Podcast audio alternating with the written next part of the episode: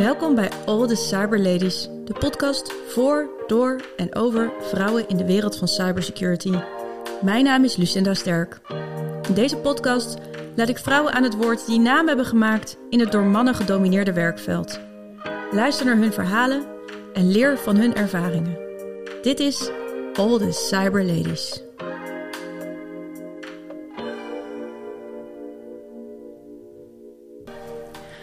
Mijn gast van vandaag is Nelly Gouwy.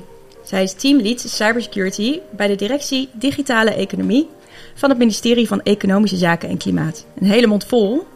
Maar Nelly gaat ons zo vertellen wat dat precies inhoudt. Nelly werkte al in cyber voordat cyber een begrip was.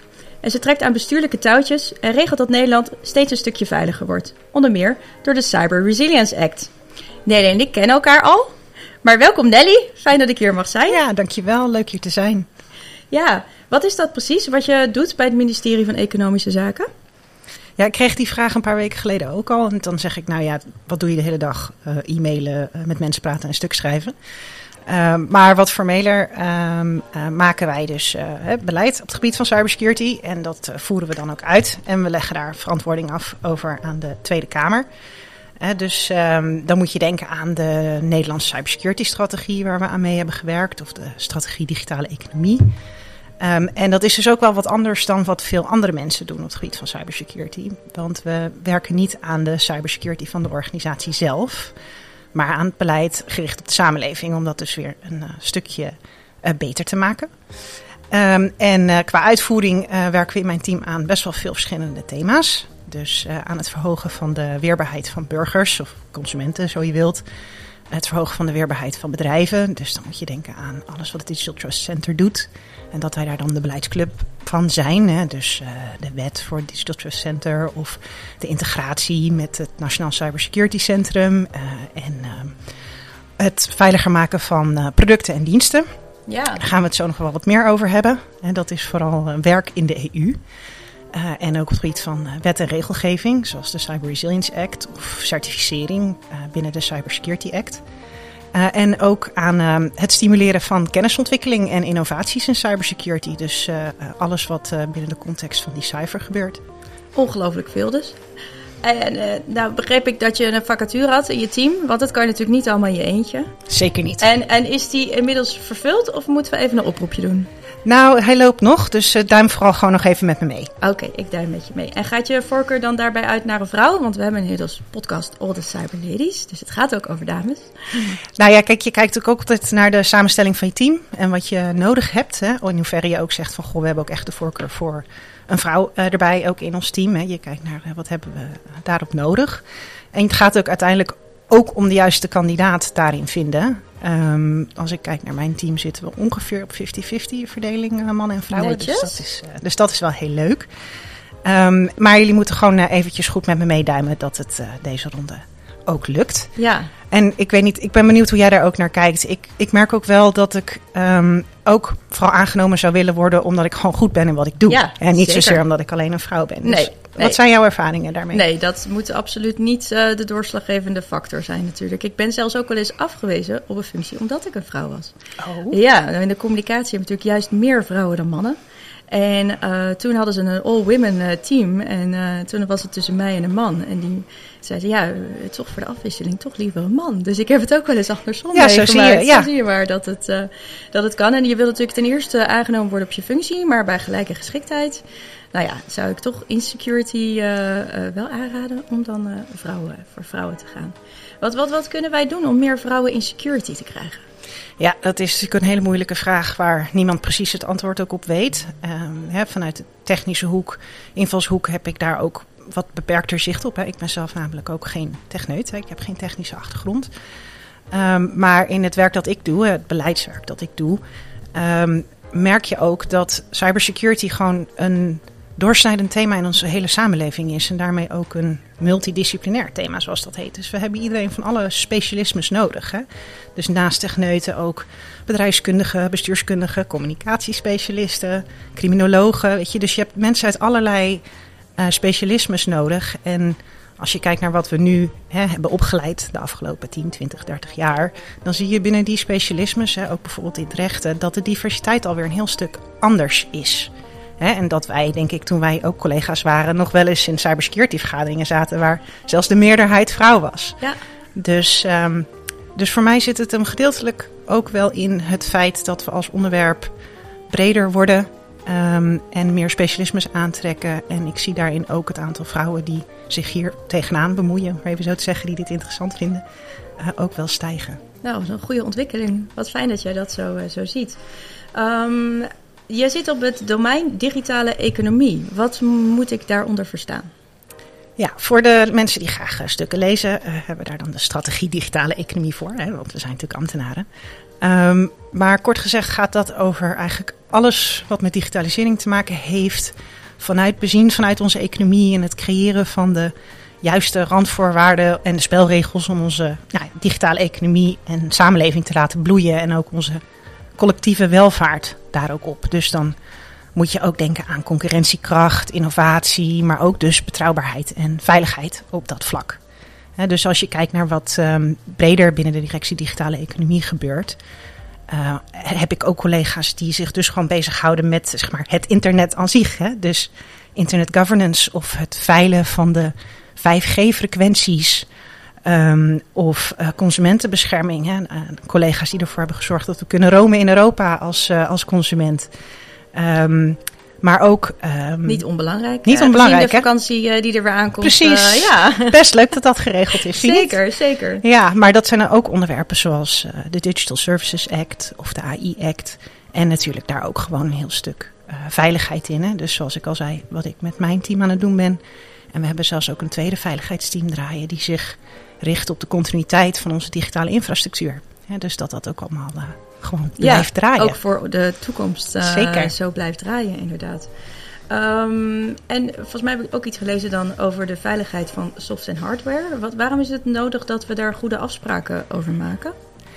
Ja, kijk, als je naar cybersecurity in algemene zin, en sinds ik hiermee bezig ben, ben ik er nog steeds ook van overtuigd dat we aan het pionieren zijn. Dus het is nog steeds een relatief jong beleidsterrein. Ik denk, nou, zeg, nog geen 15 jaar oud. Hè? Dat, dat er binnen de overheid gedacht wordt over: oké, hier moeten we echt beleid op maken richting de samenleving. En als je daar dan uh, wat langer mee bezig bent, denk je: ja, weet je, we hebben in de fysieke wereld allemaal structuren gebouwd met elkaar om te zorgen dat het veilig is.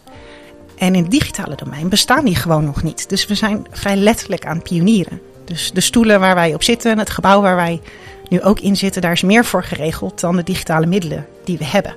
Dus eigenlijk is onze technologie onveilig, maar hebben we ook die structuren nog niet gebouwd om het voor elkaar te krijgen. Dus als je kijkt naar een bedrijf, een softwarebedrijf bijvoorbeeld, security toevoegen aan je product of voor een slim apparaat kost geld, tijd, moeite, energie.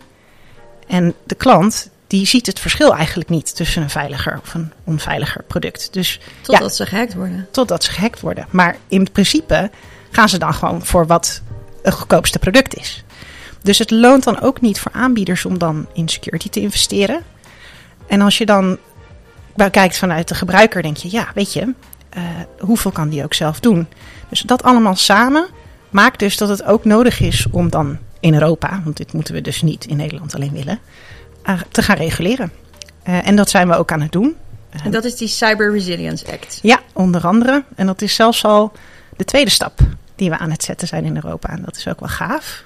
Um, want een aantal jaar geleden uh, hebben we voor elkaar gekregen dat voor draadloos verbonden apparaten, dus uh, slimme apparaten, Internet of Things, er ook al cybersecurity markttoegangseisen gaan komen. Ja. Voor de Europese markt onder de Radio Equipment Directive. Dus dat is wel heel tof. Ja, en, en moet ik me dat dan voorstellen dat als ik een. Uh laten we zeggen, een uh, slim koffiezetapparaat uh, koop, hè, dat er dan een sticker op zit met approved by Nelly? nee, niet nee. approved by Nelly. Nee. Dus eigenlijk um, de, de sticker die erop zit, die zit eigenlijk nu ook al op heel veel producten. En dat is de CE-markering. Okay. Die we eigenlijk al kennen. Dus het valt allemaal in de soort systematiek van productregulering die we in de fysieke wereld al voor de EU hebben gemaakt. Voor van alles en nog wat. Dus de Radio Equipment Directive is ook een van die verschillende richtlijnen daaronder. Hè, bedacht om te zorgen dat apparaten niet storen, bijvoorbeeld hè, uh, in de frequentieruimte. Maar er zaten ook een paar haakjes in waar we security eisen mee konden stellen. En daar zijn we dus op gaan lopen een aantal jaar geleden. En dat was wel heel tof toen dat lukte en we dat voor elkaar hebben gekregen. Um, en die eisen gaan volgend jaar zomer ook, worden ze ook daadwerkelijk van kracht. En de Cyber Resilience Act is eigenlijk weer een stap verder.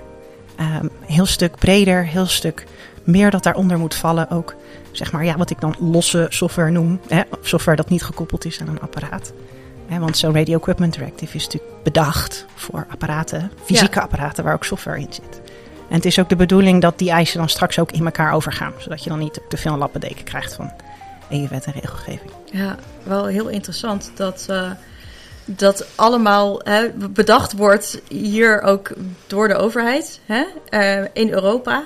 En dat wij daar dan, dan de vruchten van plukken ja. uiteindelijk. Ja, dat is wel de bedoeling. Ja, hoe voelt dat om daar onderdeel van uit te maken? Ja, dat is gewoon hartstikke gaaf. Dat is gewoon echt heel erg leuk. En oh, zo ingewikkeld. En de lange lijnen vasthouden. En er gebeurt ook tussendoor ook altijd wel van alles en nog wat. Maar dat voor elkaar krijgen, hè, dat zijn echt wel processen waar jaren overheen gaan. Ja, de lange adem moet je wel hebben. Ja. Zeker, maar dat is zo tof en zo gaaf als dat lukt. Ik ben heel blij dat jij dat kan, want ik heb dezelfde aandachtspannen van een vlieg. Dus ik zou dat echt nooit kunnen. Oh, oh wel andere klussen waar we je op in kunnen zetten. Ja, oh, dankjewel. Um, hoe ben jij in de cybersecurity uh, terechtgekomen? Ja, dat was um, rond 2010, 2011. Um, toen werkte ik bij het Nationaal Cybersecurity Center. Of, nee, Nationaal Crisiscentrum. Ja. Um, bij mij. Bij jou. Ja. ja wij waren collega's. Wij waren collega's. Ja, ja. ik was uh, beleidsmedewerker, jij was communicatiespecialist. Ja. Uh, en bij het Nationaal Crisiscentrum, waarvan iedereen na corona nu weet wat dat is. Hè? Dat, uh, waar alles bij elkaar komt als er echt een grote crisis is. Als er echt een incident is, ja. Precies. Um, komt van alles voorbij. Hè? Dus dat kunnen zieke vogels zijn. Ja. Of wat neerstortende vliegtuigen, grote branden, ja. van alles en nog ja, wat. we hebben van alles meegemaakt. Ja, ja. ja, en dat, dat, dat thema, hè, ICT toen nog, dat was toen nog in opkomst. en toen was het plan bedacht dat we een nationaal crisisplan ICT gingen maken. Uh, en daar heb ik aan meegewerkt, aan de eerste versie daarvan. Dat plan bestaat nog steeds, die heet tegenwoordig het Landelijk Crisisplan Digitaal. En um, toen eigenlijk daar uh, de inkt net van droog was, we hadden hem op dinsdag weggestuurd om dan door de ambtelijke molen te halen, dat hij dan klaar is, um, zijn we op vrijdag opgeschaald vanwege de hack bij DigiNotar. Ja, daar wilde, ik je, daar wilde ik je later in de podcast nog naar vragen. Maar daar stappen we gewoon nu gelijk naartoe. Want dan gaan we gewoon gelijk even terug naar september 2011. DigiNotar, we zaten toen inderdaad samen bij het ministerie van Justitie en Veiligheid, toen nog BZK, ja. denk ik. Hè? Ja, ja, ik denk dat we net in die overgangsfase we zaten. We net in die overgangsfase. En toen zaten we nog in dat oude gebouw, volgens mij. Ja, de Met die oranje gang. Ja. Zeker. Ja, ja, en aan de ene kant zat daar het, het Nationaal Crisiscentrum, hè, met, uh, met uh, de front office. Uh, ja. En die hielden dan 24-7 heel Nederland in de gaten. En wij zaten aan de andere kant in die, in die ruimte. En iedereen had echt zoiets van digi, digi wat? wat gebeurt hier? Wat is een register en, en, hoe moet ik dat duiden? En ik had altijd zoiets, en Nelly, die weet dat gewoon allemaal. Laat ik jou de droom helpen. Nee, oh. dat wist ik echt niet. Nee, sorry. Daar hebben we gelukkig uh, uh, meer dan genoeg uh, experts voor op dat moment. die daar hard aan hebben gewerkt. Hè, waaronder ook Offcert nog in de tijd. Dit was nog ja. voordat het NCSC daadwerkelijk ja. opgericht is. het jaar daarna. Geleden, ja. Zeker, zeker. Dus nee, sorry. Ik had daar geen verstand nee. van. Maar mijn rol op dat moment was ook vooral om de crisisoverleggen te ondersteunen. Dus ik zat eigenlijk gewoon in het hoekje de verslagen te tikken. Ja. En luisteren en schrijven kon ik best wel. En dan zorg je vervolgens dat een voorzitter dat controleert. Um, dus, uh, Hoe ervaarde je dat, dat, die hele, dat hele incident? Want het was voor het eerst eigenlijk dat we een incident meemaakten wat heel ongrijpbaar was. Het was onzichtbaar. Ja. We zagen niet wat er gebeurde, behalve de effecten dan die het had op uh, overheden, hè, met name gemeenten. Die konden tijdelijk hun website, hè, is die nog wel te vertrouwen, is die niet te vertrouwen? Nou, die werden dus uit de lucht gehaald. Moesten nieuwe certificaten worden aangevraagd. Het was een heel proces wat ook heel nieuw was eigenlijk voor, voor veel mensen. Zeker weten. Ja, was dat ook jouw eerste ervaring met een cyberincident? Ja, ja, ja, absoluut. Ja, hè, dus DigiNotar is geloof ik wel de boeken ingegaan als de eerste grote ICT-crisis in Nederland. Hè, wat daarna ook wel echt een enorme impuls heeft gegeven aan de, de energie voor hè, cybersecurity beleid maken. Ik geloof dat de eerste nationale cybersecurity strategie toen al wel net gepubliceerd was. Maar ja, het gaf echt wel een enorme boost daar ook aan. Ja. En Ehm, gaf het ook een boost aan jouw carrière? Had je op dat moment ook zoiets van... Yes, ik wil hierin verder. Nou, ik had al wel zo bedacht hè, dat ik zei van goh, van al die thema's vond ik ICT toch eigenlijk wel de leukste, want ik ben gewoon een enorme nerd. Dus eh, daar wilde ik eigenlijk al in verder en het heeft alleen maar bevestigd dat ik daarin verder wilde gaan. Dus eh, dat heb ik ook gedaan. Ja, ja. En ehm, je, je hebt tijdens je carrière, eh, tijdens je werkende leven ook de Master Cyberveiligheid gedaan. Je was een van de eerste, volgens mij, die dat deed aan de Universiteit Leiden slash Den Haag. Eh, wa- wat voegt zo'n master toe aan je carrière? Ja, heel veel. Hè. In eerste instantie natuurlijk eh, kennis in de breedte. Eh, dus het, het was een executive master programma voor ook mensen uit het werkveld. Dus het was ook heel leuk om, om vanuit allerlei stromingen mensen te leren kennen. Dus ik heb gewoon net zoveel geleerd van de docenten als van mijn medestudenten. Maar ook daar weer mijn steintje aan bijgedragen. Hè, als je het hebt over vanuit al die invalshoeken. Dus bij eh, colleges waar ze dan wat meer de techniek in gingen, nou, dan was op een gegeven moment bij mij mijn hoofd vol. Eh, en dan zaten zij een beetje rustig, eh, gewoon nog een beetje, een beetje bij, verder uit te leggen. Maar ja, aan de andere kant, colleges die wat meer op de governance ingingen, wat dus meer mijn vakgebied is, za- zag je hun me- eigenlijk met hun oren klapperen van hoe gaat dit nou allemaal? Dan kon ik nog een beetje bijdragen eraan. Dus dat was eigenlijk hartstikke leuk. Dus, en zo'n master heeft mij ook wel echt geholpen om soort van mijn eigen beeld te vormen over ja, het onderwerp in de breedte. En waarvan ik denk van, oh ja, kijk, zo zouden we een stap, een stap verder kunnen gaan als het gaat om het beleid maken.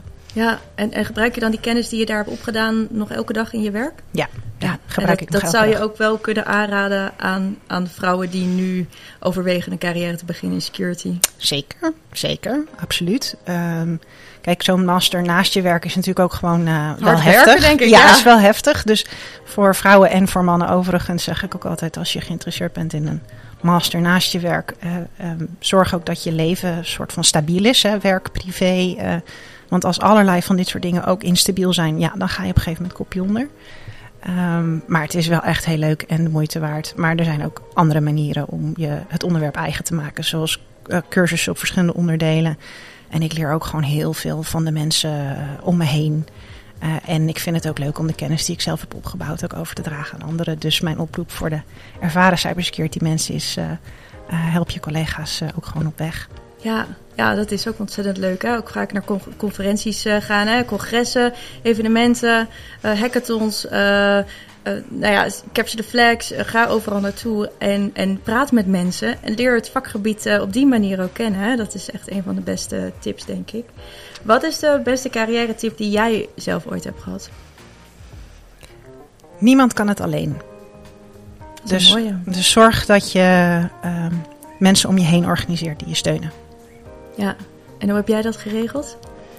Ja, heel wisselend. Hè? Dus met eh, collega's om je heen of eh, eh, collega-vrienden die je dus in de loop der jaren tegen bent gekomen. thuis.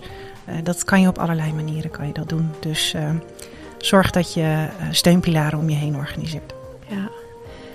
Nou, Nelly, eh, nog tot slot één laatste vraag. Waar ben je het meest trots op? Ja, eh, twee verschillende dingen denk ik. Ehm, ik ben het meest trots op de bevlogenheid van mijn collega's. en hoe hard die werken om de wereld een beetje beter te maken. Dus of dat nou gaat om cybersecurity of digitale economie in de breedte. Nou, als ik terugkijk naar eh, de afgelopen paar weken, hebben mensen uit mijn team ook verschillende spoedklussen gedraaid. Waarbij eigenlijk in feite binnen 24 uur het zo'n beetje al in kannen en kruiken moest zijn. En het is ze wel mooi gelukt. Dus ja, dat vind ik echt heel tof. Uh, en inhoudelijk gezien ben ik wel, wel heel trots op dat we toen dus een aantal jaar geleden onder de Radio Equipment Directive die allereerste eisen voor elkaar hebben gekregen. Uh, na een, een heel proces uh, dat dit gewoon echt wel een heel goed idee was. Maar dat gaat natuurlijk niet zomaar van slag of stoot dat dat geregeld is. En dat loopt natuurlijk nu ook door. En ik ben er ook heel trots op dat we nu met de Cyber Resilience Act eigenlijk die stap verder aan te zetten zijn voor alle hard- en software. En dat we eigenlijk al nog een jaar voordat dat voorstel uitkwam, al we hadden opgevangen dat de commissie daarmee bezig was en onze ideeën op papier hadden gezet en de hort op zijn gegaan. En terug hebben gekregen ook wel van de commissie dat zeiden... nou Nederland, ja, jullie hebben best wel de toon gezet op, uh, op hoe dat voorstel uh, uh, in de stijgers gezet is. Nice. Nou, hoe een klein land groot kan zijn. Dat ja, vind ik ja, heel we tof. lopen toch wel qua digitalisering natuurlijk wel voorop. Hè? Dat wordt altijd gezegd. Dat Zeker. Nederland een van de meest gedigitaliseerde landen is van, van Europa. Zeker weten. Dus, maar dan moeten we dat wel veilig houden. Absoluut. Ja. Nelly, heel erg bedankt voor dit gesprek. Jij ook, dankjewel. Dankjewel.